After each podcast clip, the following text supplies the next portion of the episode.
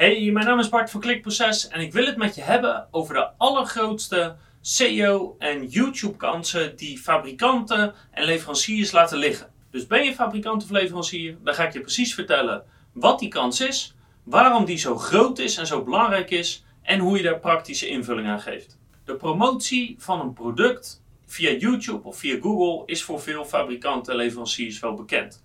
Namelijk, er komt een nieuw product uit. Je zorgt ervoor dat de juiste mensen daar bijvoorbeeld een review over schrijven. Of je start een affiliate programma zodat veel mensen het beginnen te pushen. Je maakt zelf nog een mooie video van je product of je schrijft een stukje over op je website. En vervolgens begint dat product te verkopen. Nou, daar heb ik op dit moment niks op aan te merken. Dat is niet waar deze video om gaat. Dus deze video gaat over het probleem als mensen het product eenmaal in gebruik nemen. En wat je dus moet doen als producent, fabrikant of leverancier, is dat je video's maakt en blogposts maakt die heel makkelijk te vinden zijn via Google, via YouTube en die inspringen op de problemen die mensen misschien ermee ervaren. En dat kunnen technische stukken zijn, maar dat kunnen ook wat algemenere stukken zijn en ik zal zo meteen uitleggen wat ik bedoel. Dus laat ik even een eerste heel praktisch voorbeeld pakken. Wij hebben thuis een opblaasbed, een aerobed, voor als er iemand blijft slapen. Wat dus van de week gebeurt. Nou, dan zou je zeggen, wat voor video moet je in godsnaam maken over zo'n aerobed? Nou, er zijn eigenlijk maar twee opties. Hoe krijg je de lucht in en hoe krijg je de lucht uit? Lijkt op zich voor de hand liggend. Maar daar zijn een paar grote problemen mee. Het opblazen, dat ging helemaal goed. Alleen dit aerobed weer leeg laten lopen was nogal problematisch. En de reden daarvoor is eigenlijk als volgt. Het opblazen is niet zo ingewikkeld. Er zit hier een dop op, die draai je er vanaf en vervolgens kan je de lucht in pompen. Maar er zit een hele dikke dop op en die lijkt wel vast te zitten binnen het aerobed. En wat gebeurde er vervolgens? Wij hadden dus geen idee hoe we dit dus leeg kunnen laten lopen. Dus we hebben geprobeerd op die knop te drukken. We hebben geprobeerd eraan te zitten. We hebben geprobeerd zachtjes te draaien, want we waren heel erg bang dat we hem kapot maakten.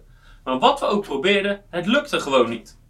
Dus wat doe ik? Ik ga naar YouTube en ik zoek daar op de merknaam en ik zoek op iets van uh, ontluchten, lucht eruit laten, leeg laten lopen, etc. Maar er komt gewoon geen enkel fatsoenlijk resultaat boven, behalve een paar bloggers die uh, zo'n aerobed kapot maakten. Dus dan ben ik in het Engels gaan zoeken. Pas bij de tiende poging kwam ik een super amateuristische video tegen van iemand die je dus vertelt: Hey, heb je zo'n aerobed? Dan snap je waarschijnlijk niet hoe je hem leeg moet laten lopen. En dat komt omdat die knop eruit ziet alsof die een onderdeel is van het bed en dat je die kapot maakt. Maar dat is niet zo. Kijk maar, als je een tang pakt, dan kan je hem losdraaien en dan loopt het bed leeg. En ik had eindelijk een antwoord op mijn vraag. Dus ik pak een tang, ik draai aan de knop en het bed loopt leeg. Maar dan vraag ik mezelf af: waarom heeft de fabrikant het niet gedaan? Want dit kan bijna een reden zijn om dit aerobed terug te sturen, omdat je gewoon geen flauw idee hebt hoe je hem kan ontluchten. En als de fabrikant daar een heel simpel video van had gemaakt met hoe zorg je dat de lucht inkomt, hoe zorg je dat de lucht uitgaat, was alles opgelost. En nu heb ik geluk dat er één video is die er echt super amateuristisch uitziet, die toevallig die vraag beantwoordt. En dat na best veel zoeken. En ik ben niet de enige met het probleem, want je kan het hier zien, hij is al meer dan 86.000 keer bekeken, die ene video. Dat zou je als leverancier toch liever op jouw kanaal willen hebben, of is het alleen maar om deze frustratie te voorkomen. Maar ik zal je een ander voorbeeld geven. Onlangs hebben wij nieuw materiaal gekocht om te podcasten. En een daarvan is een Divine BM1000 microfoon, waar we heel erg blij mee zijn. Hij ziet er mooi uit, hij produceert goed geluid, helemaal super. Maar voor ons was dat nieuw dat we die microfoons kochten. Nou, dit is een condensermicrofoon met een, met een, uh, een kapje ervoor. En daar is blijkbaar iets anders mee aan de hand. Want deze microfoons komen binnen, ik sluit ze met de standaardkabel aan op een laptop en hij doet het helemaal goed. Super.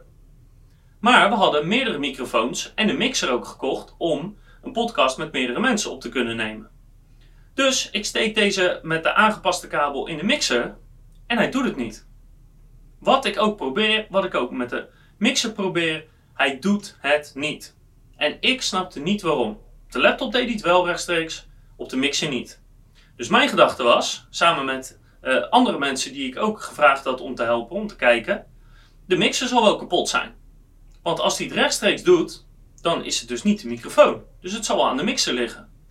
Dus ik had bijna de mixer teruggestuurd naar de fabrikant om te vragen van joh, die microfoon doet het niet, wat is er aan de hand?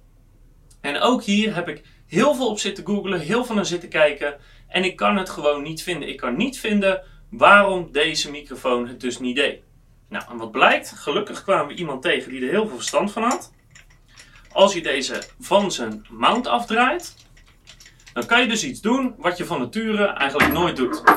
En dat is, je kan de microfoon open draaien.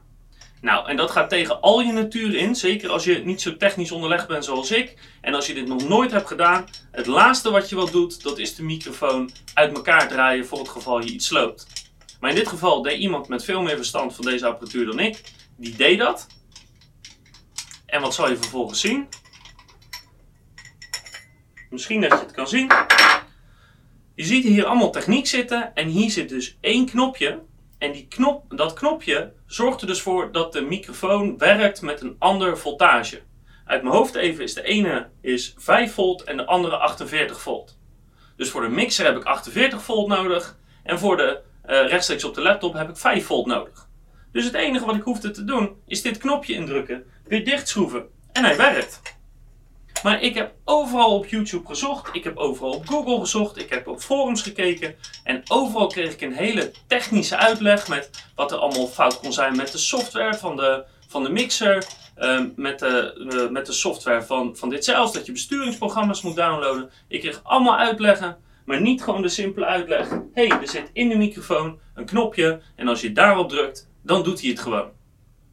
Dus dat zijn hele praktische voorbeelden van waarom ik denk dat fabrikanten niet alleen een review video moeten maken van elk product om te zorgen dat het überhaupt verkoopt, maar je wil eigenlijk ook een uitlegvideo hebben achteraf die precies alle functies heel duidelijk omschrijft, die het uh, heel goed in beeld brengt, zodat er geen enkel misverstand over is, om te zorgen dat mensen makkelijk en snel met hun product aan de slag kunnen. Dat zorgt ervoor voor een hele fijne beleving, dat je een heel fijn apparaat vindt en dat je tegen iedereen gaat zeggen hoe makkelijk het werkt. En het reduceert natuurlijk de retouren naar jullie of naar jullie klanten heel erg. Dus als je leverancier bent, als je producent bent, als je misschien groothandel bent, zorg er alsjeblieft voor dat je hele goede video's maakt. Aan de ene kant een review en hoe die zich verhoudt tegenover anderen. Maar de tweede is als je het gekocht hebt, hoe zorg je ervoor dat hij het altijd doet? En wat zijn die kleine details die je misschien niet in de handleiding terugvindt, maar die wel heel belangrijk kunnen zijn? Niet alleen levert dat je heel veel zoekverkeer op en heel veel goodwill op. Je zorgt er ook voor dat mensen bij je merk blijven en daar uh, blij mee blijven. En dat ze in de toekomst waarschijnlijk weer een product van jou kopen in dezelfde categorie. Dus er is eigenlijk niks anders dan winst. Alleen je moet het wel doen.